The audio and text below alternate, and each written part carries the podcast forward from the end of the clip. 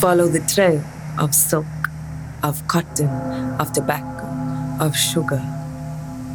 If we follow this trail, where does it lead? Whose houses were built from the profits of sugar? Whose lives were enslaved for the profits of sugar? Down the Vecht into the sea, follow this trail of white dust across the Atlantic to Demerara. See the fields standing tall with sugarcane. See the hands scarred and stripped with sugarcane. See the mothers bent over to plant sugarcane. See the fathers whipped to plant sugarcane. See how love grows in the silence of these fields, unseen by the overseer. See how children are raised with care in these tall reeds. See how their songs feed the soil. See how their songs sweeten the cane.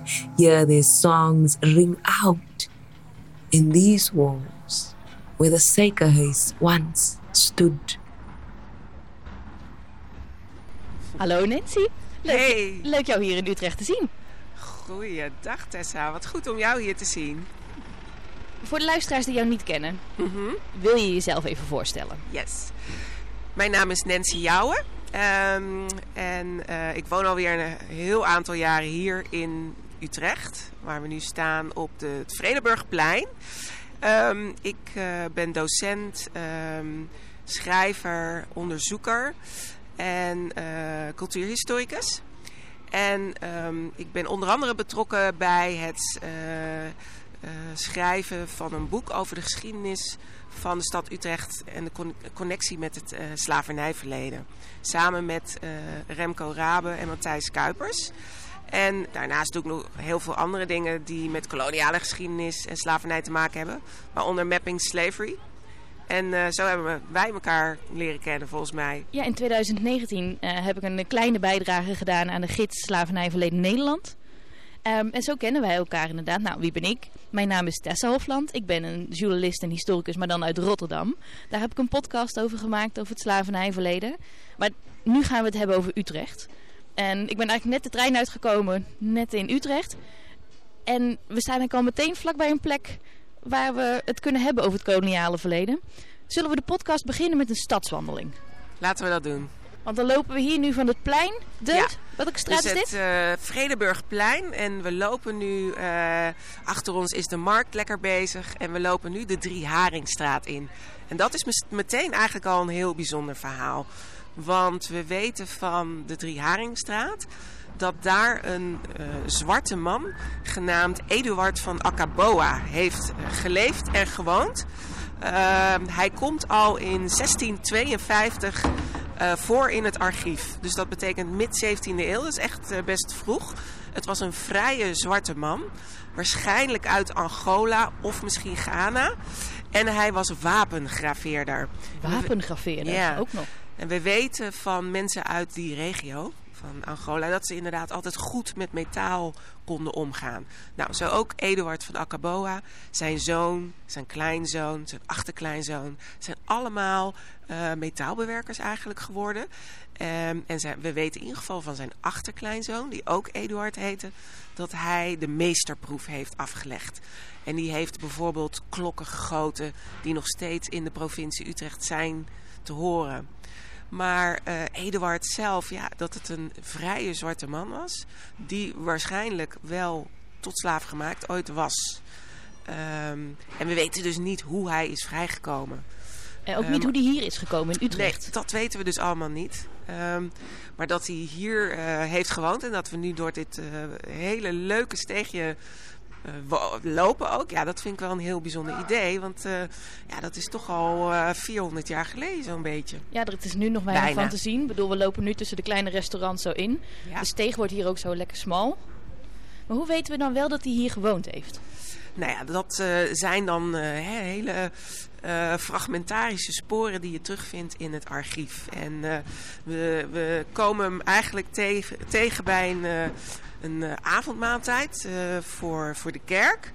Ehm, en ehm, ja, dat, de ke- kerkelijke archieven bijvoorbeeld zijn, zijn vaak ook voor ons wel een hele behulpzame bron om überhaupt te weten te komen dat mensen ergens waren op een bepaald moment. En wat zegt die ehm, zwarte aanwezigheid eigenlijk over die tijd dan? Dat hier woonde dus een tot vroeger slaafgemaakte man die nu vrij was. Ja, nou ja, überhaupt dat hij vrij was is eh, best wel bijzonder. Want de meeste eh, ja, mensen en de associatie daarmee voor die tijd is natuurlijk dat mensen tot slaaf gemaakt zijn. En dat ze eigenlijk juist niet in Nederland zijn. Eh, daarom weten we ook vaak eigenlijk heel weinig hè, van deze geschiedenis. Ehm, omdat het zich allemaal afspeelde in koloniën ver buiten ons directe zicht, zou je kunnen zeggen. Terwijl bijvoorbeeld in de Verenigde Staten het natuurlijk op eigen bodem plaatsvond. Daar waren de plantages, daar waren slaafgemaakten die eh, in het huishouden eh, van, eh, nou ja, tot aan de president toe te werk werden gesteld. Hè. Dat hebben we natuurlijk allemaal niet in Nederland. En we zijn eigenlijk ook heel erg opgevoed met het idee, nou ja, slavernij, dat, dat was ook iets Amerikaans. Dus op de- in de schoolbanken leerden we dit ook niet, hè? Als Nee, een Nederlands. Nee. ding. Ja. Nee, dus ehm, Eduard is eigenlijk al meteen een voorbeeld van dat slavernij ook iets van hier, iets van Utrecht was. Absoluut. En dat het dus stadsgeschiedenis is als we het over dit eh, verhaal hebben. En intussen zijn we nu op de Oude Gracht uitgekomen. Waar het ook weer heel eh, lekker levendig is. En we naar bootjes kunnen kijken en eh, alles. Maar we zien hier dan meteen ook links bijvoorbeeld een, een klein stadskasteel. Klein Blankenburg. Oké, ik zie Groot Blankenburg op Ja. het pand staan. Zo, Ja. Weet je wel, er zit nu de Scotch en Soda winkel in. Ja. En daarna bo- daarboven ja, van die prachtige statige ramen. Ja, En heel veel versieringen. ja. En oh, als ik dan verder kijk, eentje daarna links zie ik gewoon, is gewoon Blankenburg. Dus Ja. klein. Ja, en rechts van Groot Blankenburg heb je Klein Blankenburg. En daar staan we nu echt eh, voor. Ah, het wordt Eh, flink verbouwd, zie ik. Precies. Ja. ja. Nou ja, Amsterdam had eh, natuurlijk allemaal mooie panden, maar Utrecht toch ook wel hoor. Allemaal van die kleine stadskasteeltjes. Ehm, en ja, we zien hier eigenlijk een paar op een rij. Want verderop zien we bijvoorbeeld kasteel Oudaan. Oh ja, er Ook zit echt een een prachtig toren op. pand. Ja, Ja. dat, is, dat is meteen een kasteel. Hè, dat je denkt, nou. Eh, dus allemaal mooie, mooie panden. Maar wat interessant is aan Klein Blankenburg is ehm, dat daar ehm, François ging eh, wonen, de zoon van eh, echt een, eh, ja, eigenlijk een ultieme bad guy, George Baines.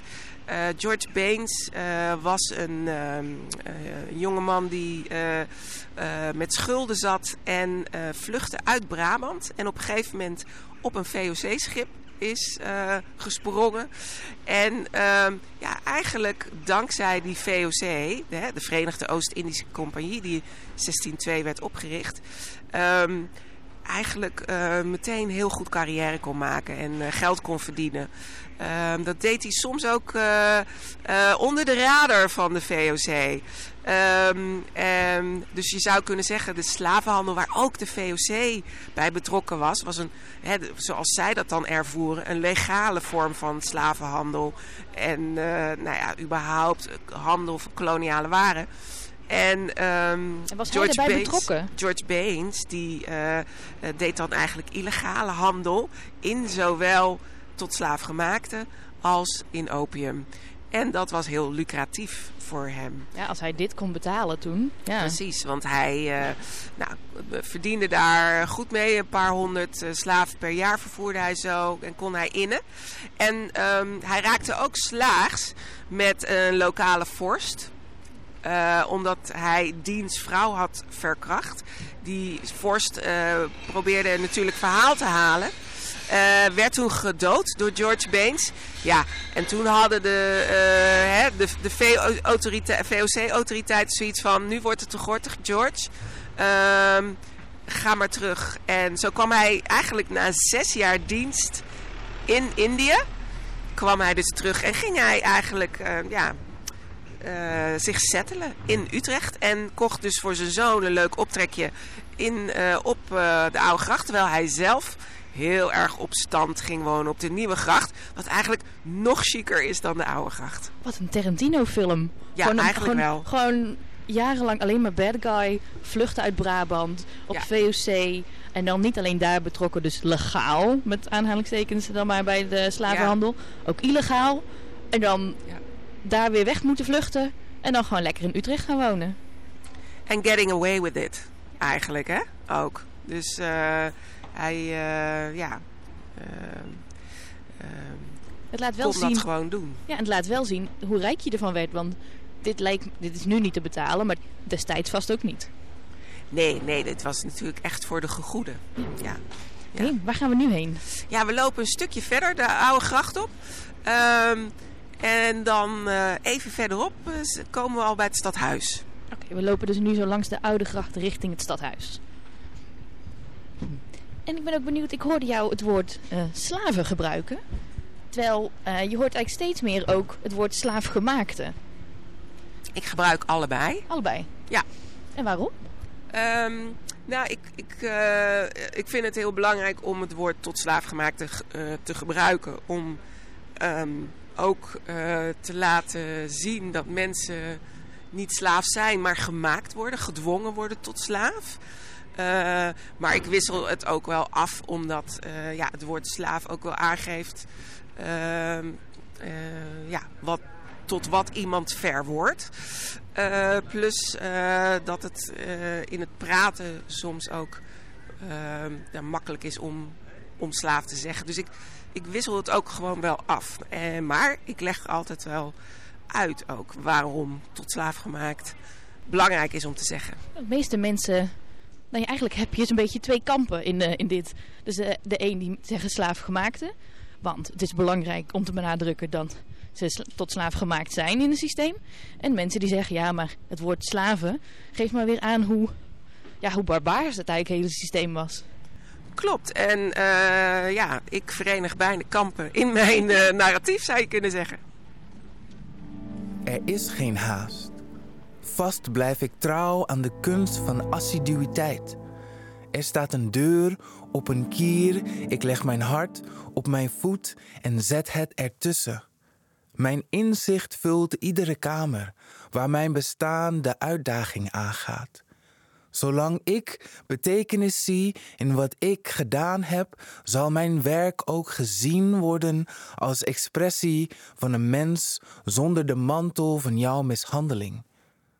Denkbeelden worden wolken, gevuld met kleur in kennis en in kunst. Hier regent een verlossing. Ik en mijn kinderen en hun kinderen hoeven niet naar huis te hollen. Angst voor wat vallen kan is angst voor de toekomst. Het licht, werk van de maan, wordt eigenlijk door de zon gedaan. De wapens en de wegen die tegen mij werden gebruikt, zullen de kracht van mijn ambacht bevestigen.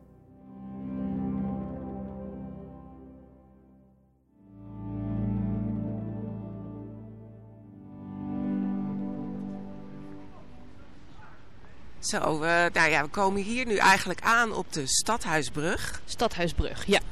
Daar staan we nu en daar zien we het uh, pand van, uh, van het stadhuis. Wat eigenlijk ook weer bestaat uit meerdere panden. die zijn door, ja, binnen doorbroken zijn. Dus het is eigenlijk één groot pand geworden. Uh, ja, wat het stadhuis is. En um, hier gebeurden wel een aantal uh, interessante dingen, uiteraard zou je bijna zeggen. Uh, wat we met het onderzoek naar de slavernijgeschiedenis van de stad Utrecht hebben ontdekt, is ehm, dat ehm, in de 18e eeuw zo'n 42% van burgemeesters en vroedschapsleden, en vroedschapsleden is dan eigenlijk het woord voor gemeenteraadsleden dat die eigenlijk uh, ja, koloniale investeringen deden. 42 procent, dat is echt een hoog uh, percentage. Hè? Um, in de 18e eeuw was dat. Um, in de 17e eeuw was het wat lager. Uh, maar als je het vergelijkt bijvoorbeeld met Amsterdam, waar we zien dat dat 50% was, dat, dat scheelt maar 8%. Terwijl in Amsterdam had je natuurlijk zo'n beetje het hoofdkwartier van de VOC en het hoofdkwartier van de WIC staan. In Utrecht hadden we geen VOC en geen WIC. Geen lokale kamer, zoals je nee. dat in Delft nee. en in Rotterdam. Nee, en... precies. Geen lokale kamers, helemaal niet. En daarom kijken Utrechters eigenlijk ook naar hun stad als een stad wat helemaal geen koloniale geschiedenis kent. Dus als je de stadsgeschiedenis, uh, het boek over stadsgeschiedenis van Utrecht uh, uh, erop naleest, dan is er gewoon geen verwijzing naar slavernij. Het is er gewoon niet. Ehm, terwijl, als je dus andere onderzoeksvragen gaat stellen, zoals wij hebben gedaan met dat onderzoek, uh, en je begint eigenlijk, zoals mijn collega Remco Rabe zegt, te krabben aan het vernis van die stad, ja, dan kom je ineens van alles tegen. Waaronder dus ook zo'n cijfer van 42 procent. En je moet je voorstellen, vroeger was het zo uh, dat gemeenteraadsleden niet werden gekozen. Hè? Vroedschapsleden en burgemeesters. Ja, dat was gewoon, dat waren de elite mannen uit de stad. Die kozen elkaar ook. Uh, je kon er voor het leven dan ook in zitten. Dat was het. En um, dus geen enkel democratisch uh, beginsel.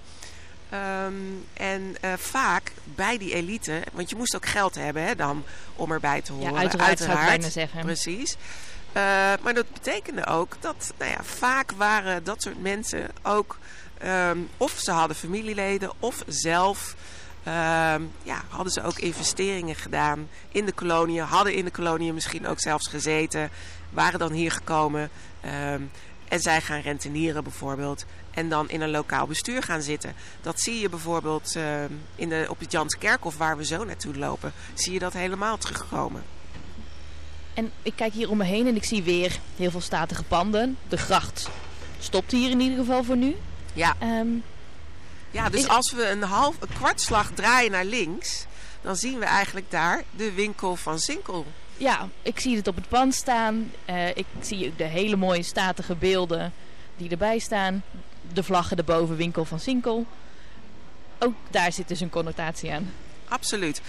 Alleen al dit stukje Utrecht wat we nu hebben gelopen, nou ik denk dat het nog geen 100 meter is, hebben we al een tijdreis van drie eeuwen gemaakt.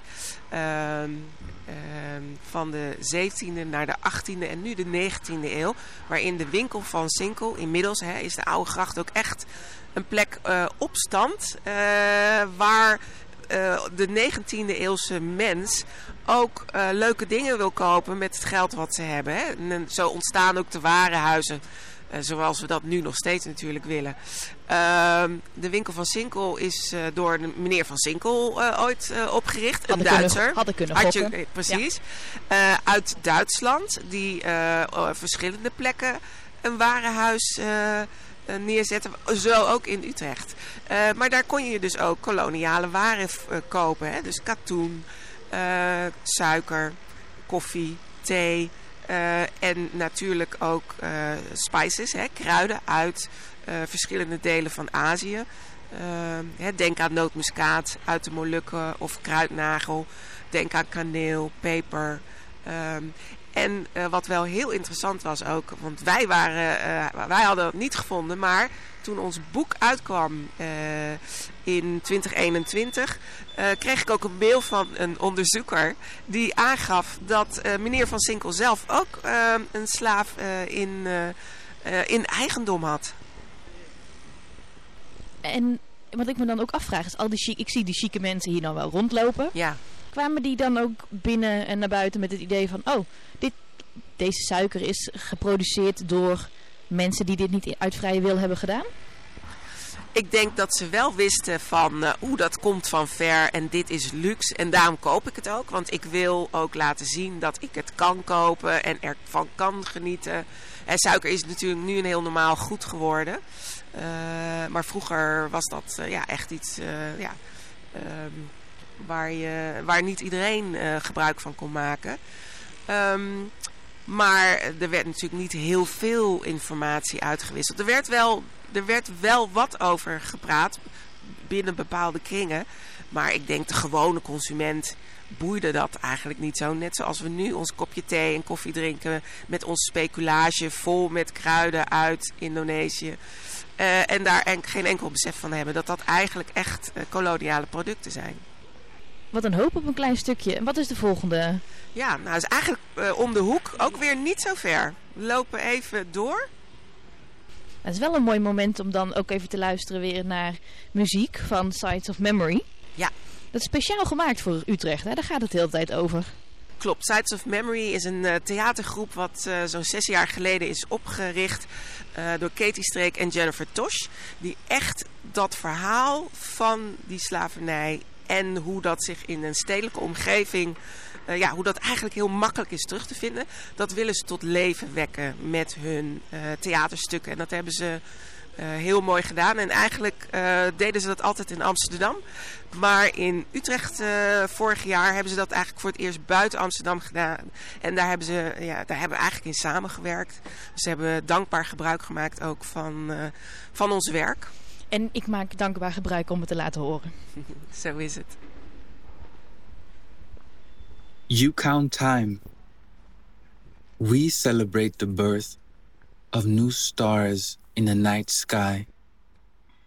Before Elwazine got the third star in her belt, remembering is reconstructing the foundations of my family that are baked into the clay of this land and present in this body. This body is not a box built to be carried by someone who thinks it is empty. The space between my heart and my soul is an endless gallery filled with the art of my humanity, in harmony with the living. We make waves with our feet at Hurikwajo. No more silence. Our voices in our tears, trusting this moment in ourselves.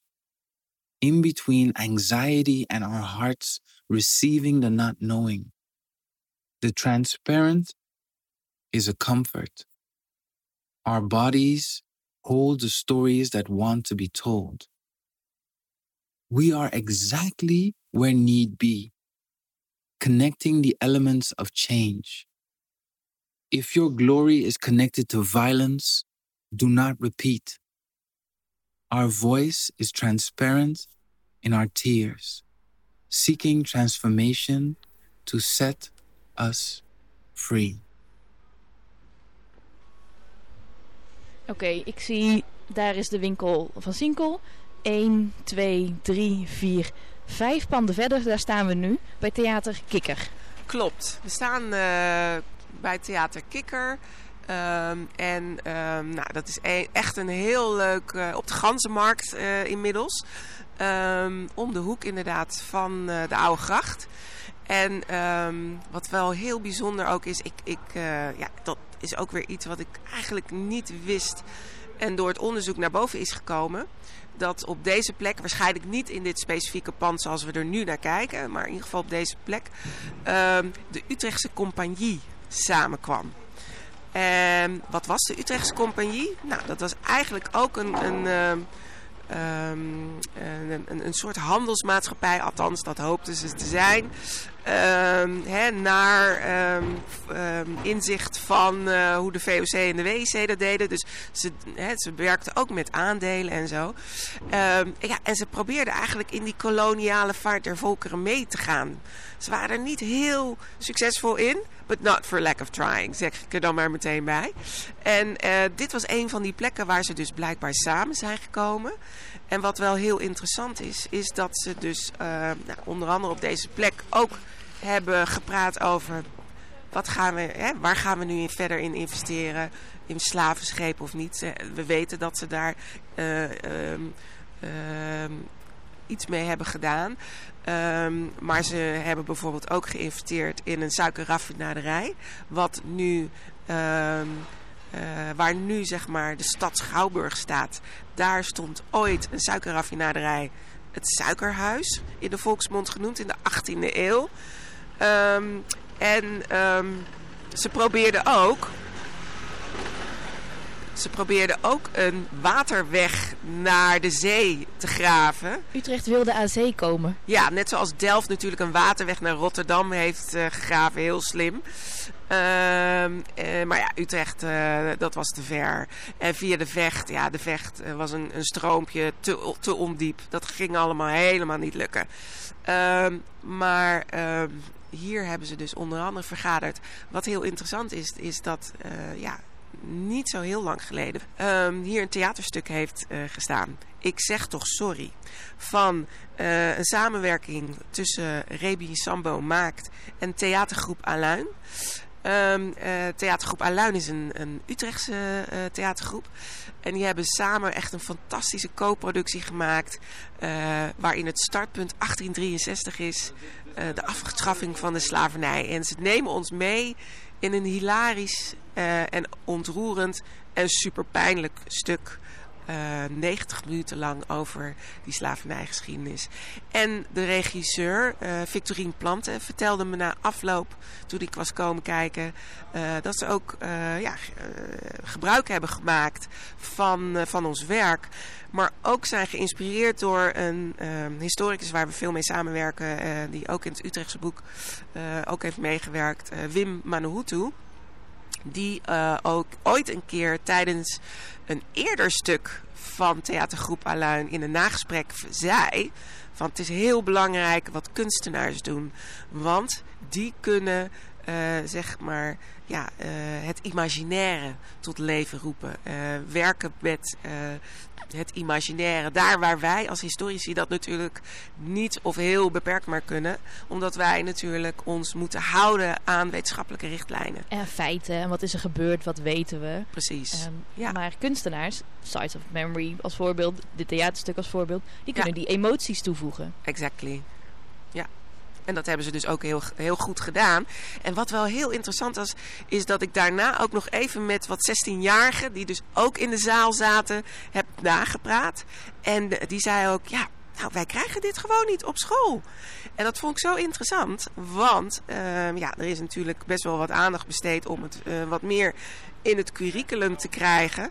Eh, maar je ziet dus dat dat eh, maar heel eh, mondjesmaat gebeurt. En ook niet altijd even goed.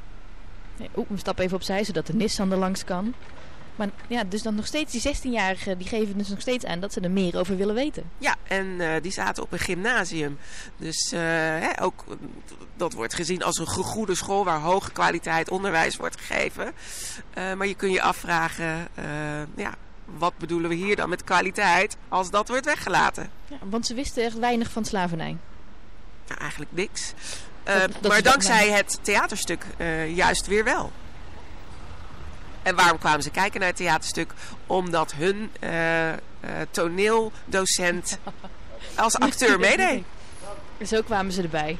En zo zie je dat vaker, hè? dat docenten die zelf er meer mee doen, dat die degene zijn die wel echt meer investeren in onderwijs op dit vlak. Ook leuk dat jullie onderzoek dan hier een soort startpunt voor is geweest. Of in ieder geval heeft bijgedragen Ja. aan de kennis. Ja, ik vind dat echt heel eervol. Dan heb je echt eer van je werk. Ehm, ja, ik vind dat echt heel bijzonder. Eh, waar lopen we nu heen? Ik verdwaan anders nog in Utrecht. Ja, we lopen langs het Stadhuisplein eh, door ehm, naar een volgende straat. Ook weer helemaal niet zo ver weg van eh, Theater Kikker. Dus we lopen nog steeds nu op de Gansenmarkt. En eh, gaan zo de Mindere Broederstraat in.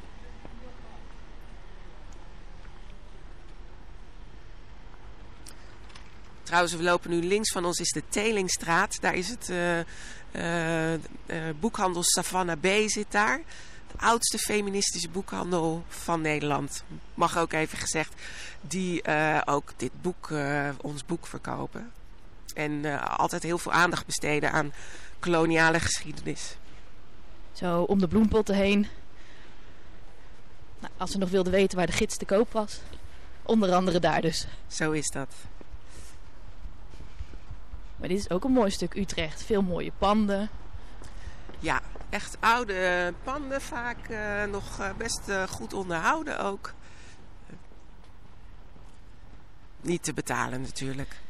Niet voor historici. Niet voor historici inderdaad.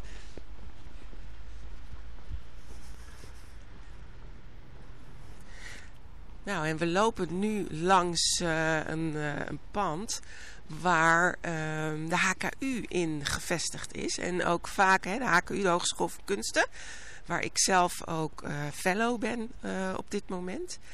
En ehm, ehm, ja, wat wel interessant is aan eh, dit pand is dat het huis nummer 16 heeft en de volgende pand is nummer 22. Terwijl ons verhaal gaat over Mindere Broederstraat 20.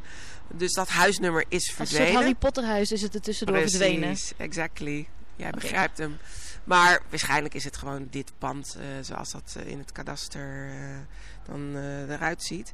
Ehm, en ehm, wat wel interessant weer aan dit pand is, is dat hier ooit in de 18e eeuw Sibylla van Verdion woonde. Sibylla Mooie van, naam. Ja, prachtige naam. En Sibylla van Verdion was in Batavia, wat nu Jakarta is, geboren. En trouwde ehm, met de heer Lons. En ehm, zij was van een gegoede familie. Hij eh, maakte een goede carrière in de VOC. En ehm, ja, met het geld wat ze verdiende, eh, zag je ook weer bij hen dat ze zich vervolgens gingen nestelen in, in Utrecht. Eh, en zij werd ook groot aandeelhouder van die Utrechtse compagnie. Wat ook interessant is, hè, want we denken heel vaak alleen maar aan mannen eh, met dit onderwerp. Maar ook vrouwen zijn op allerlei manieren natuurlijk verbonden met deze geschiedenis. Ehm, en wat ook interessant is, zij nam haar bediende mee. Waaronder Sibylla van Batavia Ook Sibylla. ook een Sibylla. Dus dat laat al zien dat ehm, ja, het eh, ontmenselijke van eh, tot slaafgemaakte op allerlei manieren gebeurde. Onder andere door hun eigen naam weg te nemen en de naam van de eigenaar te geven. Ehm, zoals dat met Sibylla van Batavia dus is gebeurd. En ook een toponiem dus dat, dat ze de naam Batavia als achternaam krijgt. Eh, wat waarschijnlijk verwijst naar het feit dat ze dan in Batavia ooit is gekocht. Dat is ook gekocht, niet, misschien niet eens geboren. Daar is ze gekocht. Ja, dat, Waarschijnlijk. dat, dat kunnen we Mhm. nu niet achterhalen. Misschien is dat in eh, archiefstukken in eh, Jakarta zelf terug te vinden, inderdaad. Waar natuurlijk nog kilometers aan archiefmateriaal ligt. Ehm, maar dat weten we op dit moment nog niet. Wat wel interessant is ook aan Sibylla van Batavia, die komt dan hier. En eh, ja, je kan je afvragen wat haar juridische status was. Want eh, wat veel mensen ook niet beseffen, is dat slavernij eh, in Nederland zelf verboden was. Al sinds de middeleeuwen. Ehm, en dat was een hele bewuste keuze. Van, wij Nederlanders willen niet eh, als slaven behandeld worden of andere slavenjuk leven. Dus er was een heel duidelijk soort, ja, je zou bijna kunnen zeggen, eh, moreel inzicht over wat slavernij behelst. En vervolgens ja, pasten Nederlanders dat zelf wel toe eh, in de koloniën. Eh, en dus, eh, ja, zo Sibylla, wat was dan eigenlijk haar burgerlijke status? We weten het vaak niet. We zien voorbeelden van mensen die dus gepleit hebben ook voor hun vrijheid bij eigenaren. Of die worden vrijgemaakt op een gegeven moment. Op een gegeven moment had je ook zo'n ordonnantie dat je na een half jaar dus vrij moest worden. Ja, een half jaar en geloof ik twaalf maanden als er, als er een uitzondering was. Precies. Ehm, maar we hebben het natuurlijk ook over 2,5 eeuw. En we zien eh, natuurlijk dat mensen al vanaf de 17e eeuw werden meegenomen. Eh, in, in, het geval, in ieder geval van Portugal, eh, Portugese eh, migranten naar Amsterdam zien we dat al in de 16e eeuw voorkomen. Hè? Portugese Joden die door de Inquisitie Portugal moesten ontvluchten, maar al diep in het slavernijsysteem verankerd zaten. En hun slaafgemaakte bedienden meenamen naar Amsterdam. En ook zo hun kennis verspreiden. Dus ja, maar er is dus een kans dat Sibylla... we staan hier voor die grote blauwe deur bij nummer 16. De straatlantaarn zeg- zit zeg maar in het raam verwerkt. Is er een kans dat zij door deze deur is gekomen? Dat zij hier heeft gelopen? Sibylla van Batavia wel te verstaan. Klopt. En eh, zag ze dan, eh, hè, laten we ons dat inderdaad even voorstellen. En betekent dat dan ook dat ze andere mensen van kleur tegenkwam, bediende met een Aziatische of Afrikaanse achtergrond? Eh, dat is natuurlijk wel iets waar ik steeds meer over ging nadenken. Ehm, en dat is ook wel een reden waarom ik in het eh, Utrechtse boek echt een apart hoofdstuk heb geschreven over vier eeuwen zwarte aanwezigheid. Want ja, hoe werd er met die mensen omgegaan? Hoe werd er naar ze gekeken? Eh, hoe, hoe keken ze naar zichzelf? Hoe voelden ze zich? En naar elkaar misschien wel. Precies, kwamen ze elkaar tegen? Hadden ze gesprekken?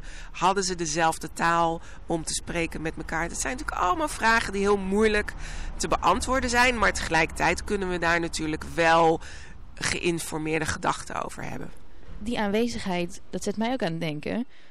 die aanwezigheid in het straatbeeld van mensen van kleur, vanuit uh, allerlei wel plekken van de wereld, laat, heeft dan dus ook mensen in, die toen in Utrecht woonden laten zien dat dit systeem er was. Dus Klopt.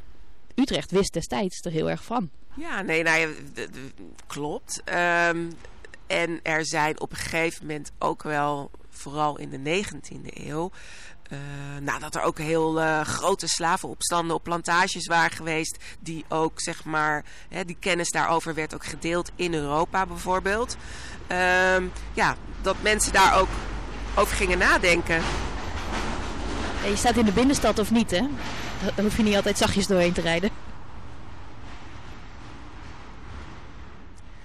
Dus wat je ziet in de 19e eeuw is dat uh, mensen ook wel steeds meer gingen nadenken over de misstanden. Waarschijnlijk ook deels omdat uh, ja, er nieuws kwam over diverse slavenopstanden. Hè? In de kolonie Berbice, in Jamaica, op een gegeven moment natuurlijk in Haiti. Curaçao daarna. Precies. Uh, en in Suriname. Dus op verschillende plekken vonden opstanden plaats. Soms duurden die maar enkele uren, maar soms veel langer, maanden of zelfs langer dan een jaar. Um, en ja, daar maakte men zich natuurlijk wel zorgen over in Europa als je een investering had. Ja, daar zullen ze zeker zenuwachtig van geworden zijn. Maar het betekende ook dat, uh, dat er mensen opstonden die zeiden: Wacht even, dit kan eigenlijk niet.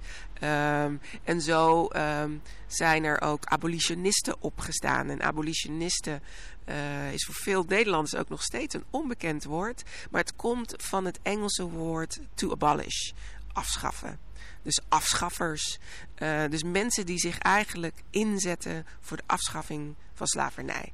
Uh, en uh, wat is, wel interessant is, en daar kan ik verderop nog wat meer over vertellen. Laten is dat we vast die kant op lopen. Precies, dat uh, Utrechters daar ook zeker een belangrijke rol in hebben gespeeld.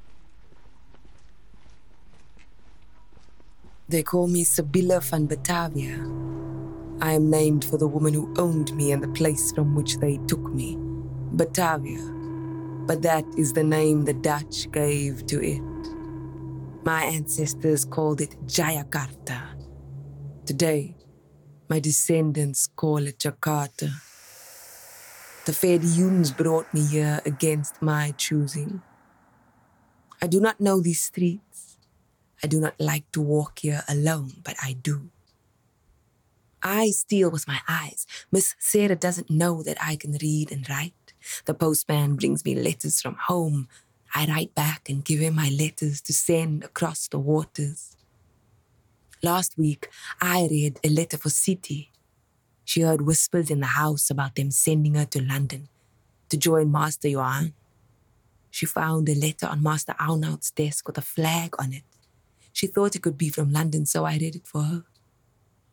It said, in London, there are many chestnut brownies with whom she could enter into legal marriage, even if it were only with Sir Claude Fake's page. Hm. Chestnut brownies. As if we are the same as their tobacco. Their demerara sugar, just products to be bought and sold, marry us off like we are their children, but we are not. We do not inherit their wealth or their deeds. If we're lucky, they bequeath us a salary after they die. City has our longing. Edward has his children. Me, I have my letters. My sister is in a place called Dinkap, halfway between here and home. She writes to me and I write too. She has to hide her letters, write at night in the dark, in case the master finds her. In Dinkap, the VOC can enslave us without hiding it. It's only here on the king's soil that they have to pretend we are free.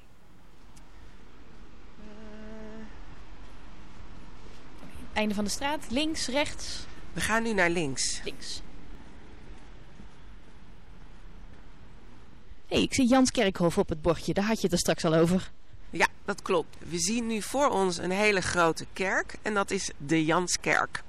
En dat is uh, wel bijzonder, want in die Janskerk heeft um, februari 2022 onze Utrechtse burgemeester Sharon Dijksma uh, formele excuses aangeboden voor de rol uh, van Utrecht in het, slavernij, in het slavernijgeschiedenis. Zo hoort de kerk dus nu eigenlijk ook bij deze geschiedenis. Ja, maar het heeft ook te maken met het feit dat uh, er in die kerk uh, waarschijnlijk meerdere slaveneigenaren begraven liggen. Uh, ja, van één weten we het in ieder geval zeker. En dat is Hendrik Schwellengrebel. En wie was Hendrik Schwellengrebel? Nou, voor oorsprong ook weer een Duitse familie die uh, uh, zich aansloot bij de VOC. Hè. De VOC was wat dat betreft een belangrijke werkgever. Eigenlijk niet alleen voor Nederlanders, maar voor Europeanen. Um, en um, hij, zijn familie uh, ging in de Kaapkolonie, wat nu natuurlijk Zuid-Afrika is, uh, wonen. En ja, werd ook onderdeel van dat systeem. En hij was gouverneur van de Kaapkolonie, Hendrik Schwellengrebel. 1700 geboren in uh, Kaapstad. En hier uh, ja, later in de 18e eeuw begraven in de Janskerk. We staan intussen voor Janskerkhof 12. Uh, oh, dat is een chique deur ook weer. Wat vroeger ook inderdaad een universiteitspand is met inderdaad een prachtige chique deur. Uh, en als we uh, kijk even met me mee naar boven, wat zie je dan? Uh, nou, ik zie eerst de gouden versiering boven de deur, dan een balkonnetje. Ja. En daarboven zie ik twee mensen afgebeeld, twee vrouwen. En in het midden, um, ja, in steen een wapen. Ja. ja, eigenlijk twee wapenschilden. Twee wapenschilden, ja. Ja, en het linkse wapenschild, uh, dat kunnen we van hieruit niet zien, maar dat is een ram. Oh, een van ram, de, ja. familie van Forst, met twee O's. En rechts um, zien we het wapenschild van de familie van Justina van, uh, van Moor, of de Moor. Um, dus we zien daar drie morenhoofden. Dus drie zwarte mensen afgebeeld. Oh ja, dat kan ik vanaf beneden inderdaad. Zie ik drie vormpjes. Maar er zijn dus drie hoofden van zwarte mensen. Ja, klopt. Omdat haar achternaam de Moor ook was. En uh, dat zag je vaker. Dat uh, mensen die zo'n achternaam hadden, ook daadwerkelijk uh, dat in hun wapenschild, familiewapen verwerkten. Dat kan je heel mooi zien in de Hermitage in, in Amsterdam, waar allerlei wapenschilden van families uit de vroegmoderne tijd hangen. En daar zie je meerdere ja, morenhoofden. Want de Moor, is dat dan een naam die je nog vaker hoort in Utrecht? Moren kennen we nu, is eigenlijk een woord dat we niet meer gebruiken. Ja, um, sommigen gebruiken hem nog wel, anderen weer niet. Uh, er is ook nog wel wat discussie over of het een, een, te beladen term is om te gebruiken of niet. Uh, in Duitsland is het heel duidelijk een, een, term die niet gebruikt mag worden. In Nederland verschillen we daar denk ik nog een beetje uh, van mening over. En in, uh, ja, in de Verenigde Staten wordt het ook nog wel gebruikt, juist ook wel door kunsthistorici en historici. Uh, dus in historisch verband wordt er nog wel ook naar verwezen. En als je kijkt ook naar de Moorse geschiedenis uh, in zuidelijk Europa, dan wordt dat daar eigenlijk ook nog wel gewoon gebruikt. Um, so I guess the jury is out of dit nou echt niet meer kan of niet. Anders dan het N-woord, wat we niet meer gebruiken. Voilà, ja, precies. En um, dat, dat leg ik ook wel uit, dat, dat het N-woord ook heel erg verbonden is... Um, uh, hè, met de connotatie van uh, uh, slaaf zijn. negros bijvoorbeeld is ook echt een Spaans woord wat, ja, wat in gebruik kwam ook doordat er slavenhandel plaatsvond bijvoorbeeld. dus vandaar dat ja, het gewoon een goed gebruik is om het niet meer te gebruiken. Ja, we staan nu bij Janskerkhof 12 en lopen nu naar de overkant. Oh, pas op voor de fietsen. ja naar Janskerkhof 13. Even kijken, komen er geen bussen aan? Nee. Het is altijd een uh, druk punt hier. Veel fietsen, veel bussen, veel auto's.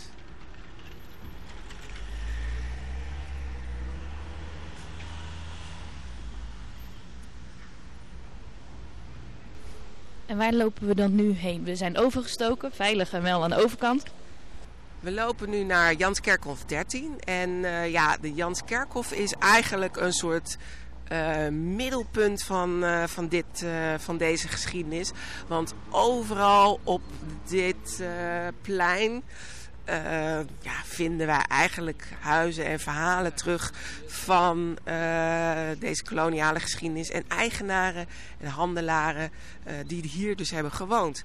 Waaronder dus um, op nummer 13 Jan van Forst. En hij was een familielid van Lucas van Forst, die dus op nummer 12 woonde. Van het wapenschild dat we net zagen. Precies. En uh, ja, ik kan me zo voorstellen dat, uh, dat er onderhoud was hè, tussen de familieleden. Of dat het dan een bekende plek uh, ging worden, Janskerkhof. Van, joh, hier moet je ook komen wonen, want het is goed toeven hier. En inderdaad, ja, Janskerkhof 13 is echt een prachtig en groot hoekpand. En als je dan ook omhoog kijkt, dan zie je allerlei uitheemse schelpen. Um, en dat verwijst al een beetje naar uh, ja, waarschijnlijk een van de werkplekken van uh, Jan van Forst. Want hij is in de 18e eeuw, uh, zo mid 18e eeuw, um, zeven jaar lang um, um, gouverneur geweest van Fort Elmina in West-Afrika. En Fort Elmina is natuurlijk een van de belangrijke plekken waar ja, tot slaafgemaakten die gevangen waren in het achterland of doorverkocht waren door bijvoorbeeld de Ashanti. Uh, uh, die dan naar de kust werden gebracht en dan in kerkers werden geworpen in Fort Elmina. Waar ze soms maanden moesten wachten uh, voordat ze dus op een slavenschip werden gestald.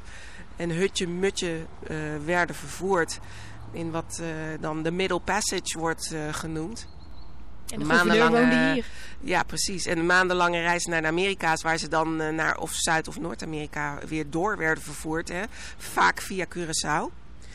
Um, en die gouverneur ging inderdaad hier wonen. Want uh, na zijn uh, zevenjarige bestuursfunctie um, verkocht hij nog even 275 slaven naar Suriname. Uh, op een schip, daar verdiende hij goed, uh, goed mee. En een jaar later woonde hij hier. Dus uh, nou ja, dat laat heel duidelijk zien dat, er een, dat er een heel kausaal verband is, zou je bijna kunnen zeggen. Maar um, ja, het, het zat hier vol met families die um, ja, die verdienden. Die verdienden, die relaties hadden met die kolonia dat koloniale systeem.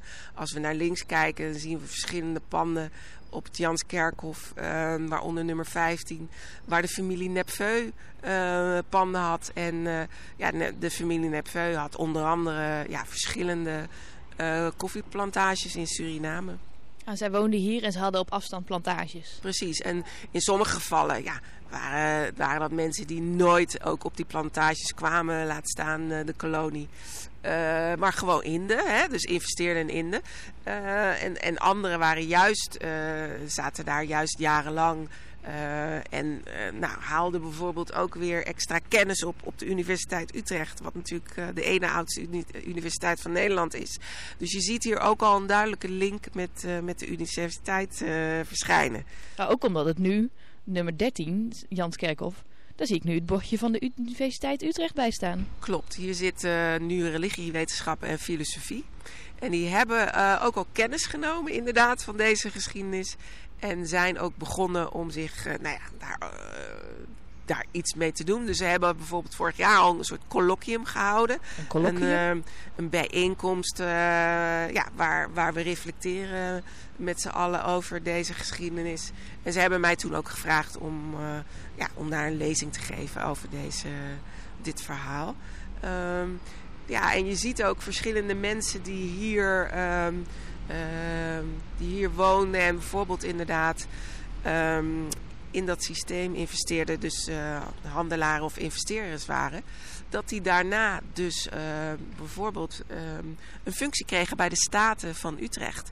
En de Staten van Utrecht, dat, dat uh, zat onder andere op Janskerkhof nummer 4. Dat kunnen we vanuit deze hoek nu niet zien. Want de Jans. Precies, de Janskerk staat ervoor.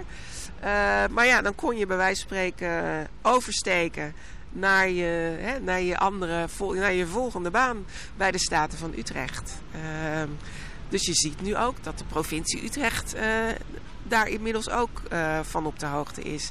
En uh, ook ja, over gaat nadenken, goh, wat moeten we hier nou toch weer mee?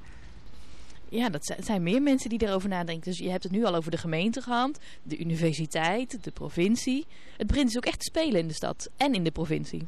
Klopt.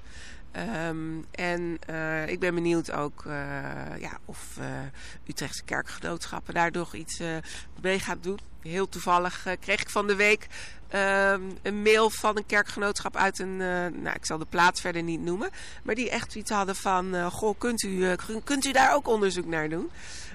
nou, ik kan natuurlijk niet alles zelf doen, maar ik hoop dat het wel ja, anderen ook inspireert om, om zich daar meer in te gaan verdiepen wat een, op hun kort stuk al zoveel, zoveel geschiedenis is gevonden. En waar gaan we nu heen? We lopen nu de we drift. We lopen nu uh, de Janskerkhof af de drift op. En de drift, uh, ja, dat is uh, eigenlijk één groot universiteitspand. En dus, mooi ook. Ja, dus een gracht. En ook weer ouderwetse lantaarnpalen. Klopt. Ja. Oh, hier een pand met luiken, om het nog af te maken, zeg maar. Ja. Hoge ramen. Ja, dit is wel... Ja voelt als oud geld. Zeker. En um, nou, hier zitten ook uh, de geesteswetenschappen zijn hier uh, gevestigd. Uh, dus letteren, geschiedenis uh, zitten hier allemaal. En waar we nu naartoe lopen is de universiteitsbibliotheek op nummer 27. Oh, ik zie er toevallig net een bordje van hangen. Nog 150 meter. Follow the trail of. Of cotton, of tobacco, of sugar. If we follow this trail, where does it lead? Whose houses were built from the profits of sugar? Whose lives were enslaved for the profits of sugar? The bells sound and ring from the sugar plantations of Guyana to the coffee plantations of Suriname and Ghana from the cattle farms of Cape Town to the cash crops of Indonesia, across the seas and through your dreams, the bells ring out to herald a new era. Yeah, now she's speaking. Yeah, now she speaks to you.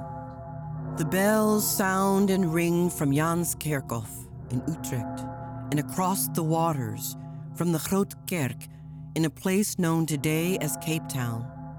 This is the land of the Khoi and San.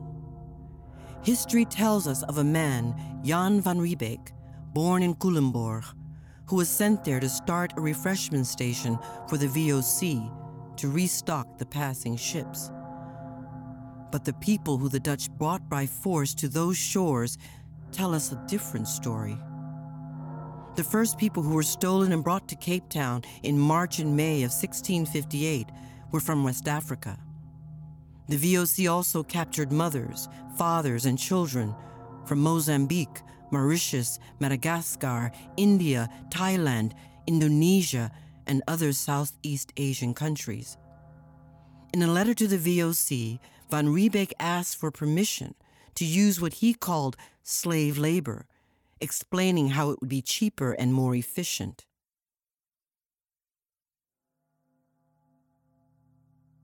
The bells sound and ring from a building next to the Grootkerk. This is the slave lodge, built in 1679. Over a period of 132 years, between 7,000 and 9,000 enslaved people were forced to live in the slave lodge. The people who lived here were mostly women, who were forced to work on a farm the VOC set up, called the Company's Garden. They planted and cultivated fruit trees, vegetables, and flowers. The work of their hands fed those who lived and worked in the Castle of Good Hope, the VOC's headquarters. The produce was used to supply the Dutch ships. Who were these people?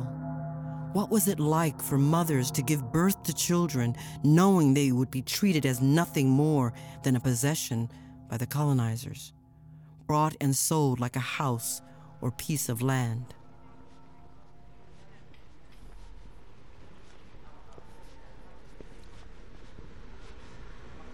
Nou, we zijn hier nu uh, aangekomen bij uh, Drift 27. De biep. Ja. Oh ja, ik zie hem staan, het bordje. En eh, ehm, ja, ik heb hier menig eh, uurtje studeren eh, meegemaakt. En papers schrijven en eh, boeken uitzoeken. Dus eh, dit is echt, eh, ja... De stress leeft terrein. nog. Er staan Ja, nog mensen buiten lekker aan sigaretten te trekken. Ja, ja, het is een eh, plek waar natuurlijk veel studenten komen. Ehm, en hier woonde in de 18e eeuw Johan Gideon Loten. In het pand van de biep, ja. En ehm, eh, een latere, nog meer illustere bewoner is de broer van Napoleon geweest. Maar die vond Utrecht erg saai en die is na drie maanden alweer vertrokken naar Amsterdam. Nou ja, dat snap je toch niet. Maar Nee, goed, Nee, snap ik ook niet. Ehm, hier woonde dus ook Johan Gideon Loten. Die een enorme carrière ontwikkelde in de VOC. In Groenekan, eh vlakbij Utrecht, eh, werd geboren. En ehm, ja, echt een, een echte wetenschapper. Een, eh, echt een kennismens was. Maar dus ook weer in, in, in dat ja, koloniale systeem van de VOC opereerde. Eh, en onder andere ook ja, als een soort leidinggevende moest letten op die George Baines, waar ik het eerder over, had, op de Oude Gracht, maar dus niet altijd even goed opletten. Eh, helaas, zodat George eh, de goddelijke gang kon gaan. Maar goed, Johan Gideon Loten, na iets van 25 jaar, ging zich nestelen hier in Utrecht, ging hier wonen. En in zijn huishouding zat op een gegeven moment ook een bediende ehm, uit eh, wat we nu kennen als Sulawesi. Eh, en zij heette Siti. En, en eh, Siti werd eh, besteld samen met eh, wat merries en bergeenden. Besteld. Ja, dus dat laat al zien dat ze als een soort ja, eh, dat slaven ja, goederen eigenlijk bijna waren. Niet, bijna niet als mensen werden gezien. Maar goed, Siti kwam dus hier terecht. Ehm, ehm, ook hier geldt weer, ja, wat was haar status? Was ze een eh, tot slaaf gemaakte vrouw of niet? Eh, het was zo rond de mid-18e eeuw. Ehm, ja, kwam ze inderdaad andere bedienden uit Indië tegen. Ehm, zou dat ook eh, gemaakt hebben dat ze zich wat minder eenzaam voelde. Want wat wel blijkt, hè, Siti en Sibylla, dat, eh, Sibylla van Batavia bedoel ik dan... Dat zijn mensen wiens stemmen we natuurlijk niet kunnen terugvinden in de archieven en niet kunnen terughoren. En dit is waar zo'n ehm, eh, ehm, groep als Sites of, Memory dan weer een hele belangrijke rol kan spelen. Ehm, maar eh Siti, die bleef op een gegeven moment achter toen eh, Johan Gideon Loten naar Londen vertrok. En Siti kwam toen in de huishouding van Arnoud, eh, de broer van Johan Gideon. En Arnoud was onder andere ook vroedschapslid en burgemeester van Utrecht. Ehm, en ze correspondeerden met elkaar van wat moeten we nu met City? Waarin Arnoud ook op een gegeven moment aangaf dat City eigenlijk wel heel graag terug wilde ehm, naar Indonesië. Of ja, toen nog eh, natuurlijk eh, Nederlands-Indië werd, eh, als Nederlands-Indië werd gezien. Of in ieder geval VOC-gebied. Ehm, ja, dus wel heel, eh, heel treurig. Eh, maar daardoor zien we een glimp van haar eigen gedachten en wensen. En helaas is dat nooit in vervulling gegaan. Ze is nooit terug naar huis Ze gegaan. is dus voor zover we weten nooit eh, teruggegaan. Oh, dat is triest.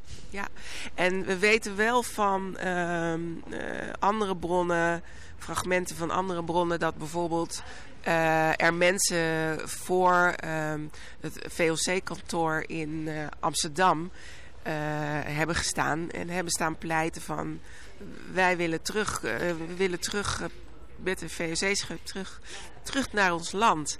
Maar ja, vaak ja, was dat ook te duur moest je dus ook betalen weer voor die overtocht. Wat natuurlijk weer helemaal niet kon. Dat geld hadden ze natuurlijk helemaal niet.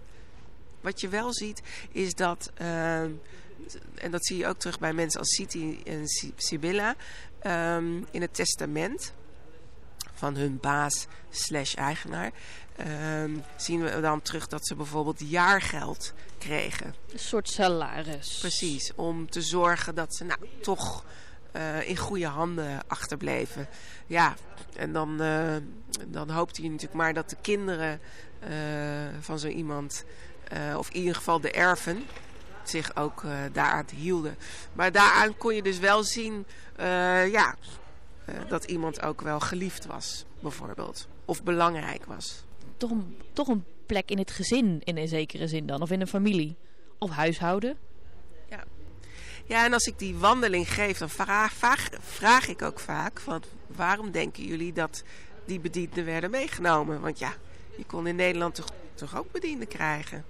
Wat denk jij? Ja, status. Ja. dat had niet iedereen. Precies. Status zeker. Dus hier zie je eigenlijk bijna dat kleur ook status is. Op een bepaalde manier. Waarbij uh, ja, de persoon van kleur zelf uh, er geen minder, status had. Geen status had. Uh, maar dat je wel status kon laten zien. Dus dat is natuurlijk een hele rare, ja, rare gedachte. Ja, ook echt weer een, een gebruiksmiddel. Om het maar nog onmenselijker te maken dan het al was. Eigenlijk wel, ja. Uh, en een andere reden denk ik ook wel waarom mensen werden meegenomen... was uh, ja, omdat die slaafgemaakten vaak uh, allerlei aspecten van het intieme huishoudelijke leven kenden. Hè? Het, het kostje koken, precies op die manier waarop um, hij het dan lekker vond. Of... De min zijn van de baby. Dus, uh, hè, dus uh, de zoog, zoogster. dus ehm, ja, de, de, moeder des huizes was vaak ja, niet degene die de baby dan ook de borst gaf. Nee, dat was, was wel dat, te min voor te min. zulke hoge Daar had je de min voor. precies. maar vaak werden vrouwen natuurlijk ook gedwongen tot seksuele diensten voor de eigenaar slash baas. Dus uh, ja, en dat, ja, dat is gewoon een vorm van seksueel geweld natuurlijk. Maar ook die dingen gebeurden. Is, is daar bij City of bij Sibylla bijvoorbeeld uh, iets van terug te vinden in het archief? Nee, het, ja, dat, dat Geen is, kinderen? Hè, uh, voor zover we weten niet van City. Uh, bij Sibylla weten we wel dat de twee anderen ehm, ook een dat weet ik niet precies. Maar een kind was van. Ja. ja. Dus, zullen we verder lopen? Ja, waar gaan we heen? Verder de drift af? Ja. Hier om de hoek is nog een verhaal. The king and his politics, using me to make friends with those that bring disease. Ik wil hier niet zijn. Iedereen staart me aan, maar niemand ziet me. Ik spreek, verlang, maar niemand hoort me. Mensen willen altijd iets van mij, maar niemand weet wie ik ben. Ik voel mij al zo lang boos, verdrietig. Ik dacht dat ik vergeten was, want niemand riep mijn naam tot nu. Eindelijk vraagt iemand aan mij: Hoe gaat het met jou? Wat zijn jouw verlangens? Wat zijn jouw wensen? Mijn thuis blijft mij roepen. Ik droom van thuis.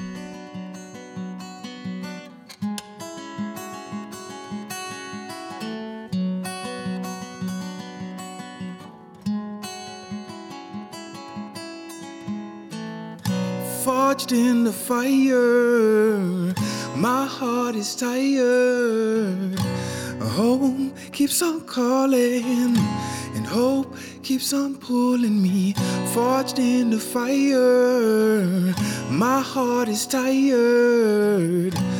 Home keeps on calling, and hope keeps on pulling me down. I can't move around, hope keeps pulling me down. I can't move around. Mm. Even right now, in the middle of this crowd, home cries get louder. Mm. Even when the sun is out, there is a dark cloud that keeps hanging over. Mm. Forged in the fire, my heart is tired. Home keeps on calling, and hope keeps on pulling me. Forged in the fire, my heart is tired. Home keeps on calling, and hope keeps on pulling me down. I can't move around, Hope keeps pulling me down. I can't move around. Hope keeps pulling me down. I can't move around. Hope keeps pulling me down.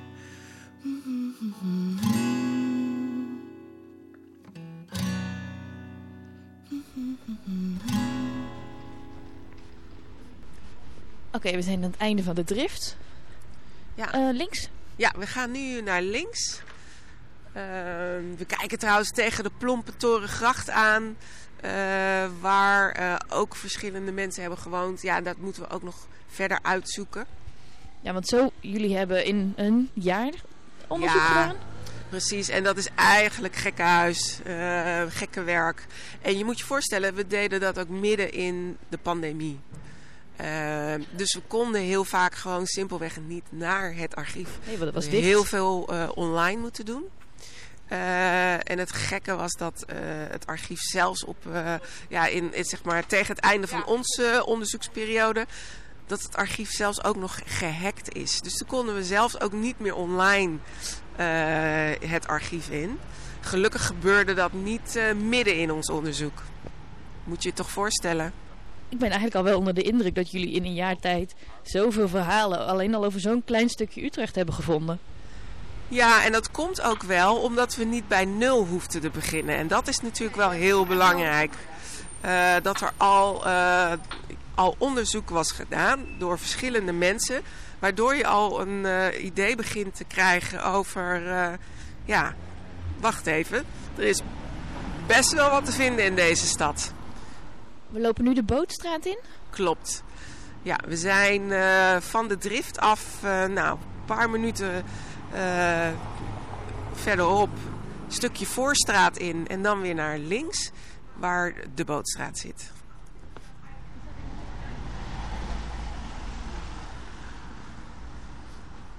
Nou, en wat eh, natuurlijk wel heel interessant is aan deze locatie, is dat we ook daadwerkelijk een plaquette zien eh, op het pand.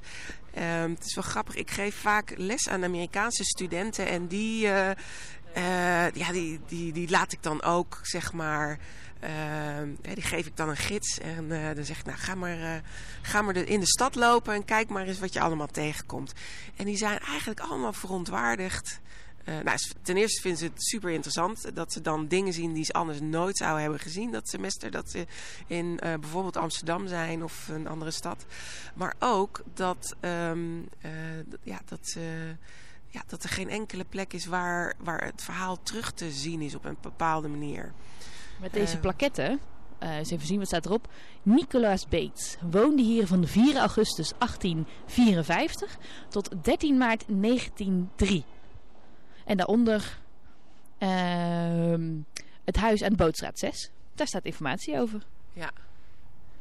En ehm, wat hier nou wel toch interessant aan is, is dat hier dus ehm, eh, staat op een nieuw aangebracht dingetje, eh, tekstje, dat hij voorstander was van de afschaffing van de slavernij. Ja, dat is wel iets wat je natuurlijk eh, op, op een huis wil plakken. Precies, en daarom zien we het ook. Maar het is wel grappig, want dit is redelijk, eh, dit is nog niet zo heel lang volgens mij. En, maar hij eh, woonde hier na de af, of ten tijde van de afschaffing. 1854. Toen was de slavernij nog niet afgeschaft. Nee, duurde nog negen jaar. ehm, ehm, hij studeerde volgens mij eerst in Leiden.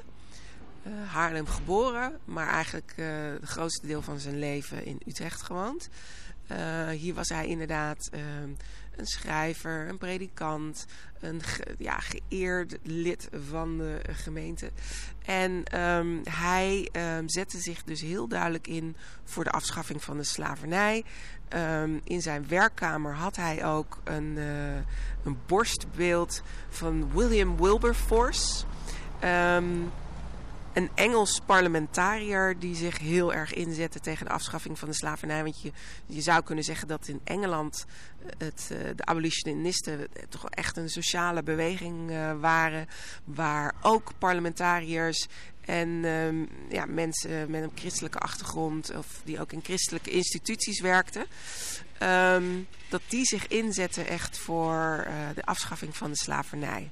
En ze kwamen ook vaak hier spreken. Uh, dus uh, in verschillende steden. Je ziet dat in Groningen, in Rotterdam, in Amsterdam. deden ze publieke spreekbeurten. Um, en um, nou, daar moet Bates door geïnspireerd mede door zijn geweest. Hij zelf gaf ook een publieke speech in 1856 um, bij wat nu het conservatorium is. En daar uh, gaf hij ook uh, ja, een aantal redenen waarom slavernij eigenlijk afgeschaft moest worden. En daar gebruikte hij eigenlijk allerlei christelijke uh, argumenten voor, zoals beschaving, et cetera. Maar wel heel bijzonder om te zien dat hij inderdaad uh, zich daarvoor inzette. En dat deed hij met uh, meerdere mensen uit Utrecht. onder andere Julian Wolbers, die nou, nog geen 100 meter verderop op de Kromme Nieuwe Gracht nummer 6 woonde. En um, Julian Wolbers heeft een heel belangrijk boek geschreven over Suriname, waarin hij heel kritisch was over uh, de plantage-eigenaren. En um, nou, voor dat boek kreeg hij ook een koninklijke onderscheiding. Even uit mijn hoofd, dat kwam volgens mij in 1860 uit. Nog steeds de slavernij niet afgeschaft. Hè? En dat boek inspireerde 70 jaar later iemand anders weer. Dus hier zie je ook hoe uh, schrijvers uh, door de tijd en uh, door uh, over continenten heen elkaar geïnspireerd hebben. Dus Julian Wolbers op de Kromme Nieuwe Gracht 6 was geïnspireerd door Harriet Beecher Stowe. Die natuurlijk het beroemde boek Uncle Tom's Cabin heeft geschreven. Wat toen al een bestseller werd. En Julian Wolbers, zijn werk, werd weer gebruikt door een andere beroemde man. 70 jaar later die in de bibliotheek in Den Haag zijn boek las, namelijk Anton de Kom, die bezig was met onderzoek voor wijslaven van Suriname. Een boek waar je de laatste tijd ook weer heel veel over hoort. Gelukkig wel. Ja. Eindelijk gecanoniseerd, eindelijk uh, ook vertaald dit jaar. Um, en eindelijk de erkenning die het verdient. Uh, want waarom is het toch dat uh, wij op school bijvoorbeeld wel Uncle Tom's Cabin moesten lezen als het over slavernij ging, maar nooit wij slaven van Suriname? Dat kan toch niet? Ik vind echt dat dat boek verplicht overal op alle scholen aan kinderen gegeven moet worden en gelezen moet worden. En was Anton de Kom ook wel eens hier in Utrecht? Ja, uh, zeker. Uh, dat is ook wel bijzonder.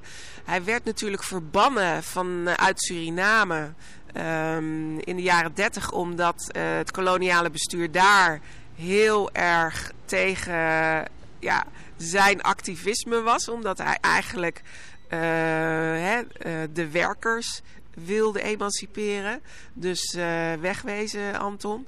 Hij kwam hier aan en hij gaf een lezing of hij werd uitgenodigd om te komen praten, publiek te spreken tijdens een antifascisme-congres in 1933 op de Oude Gracht.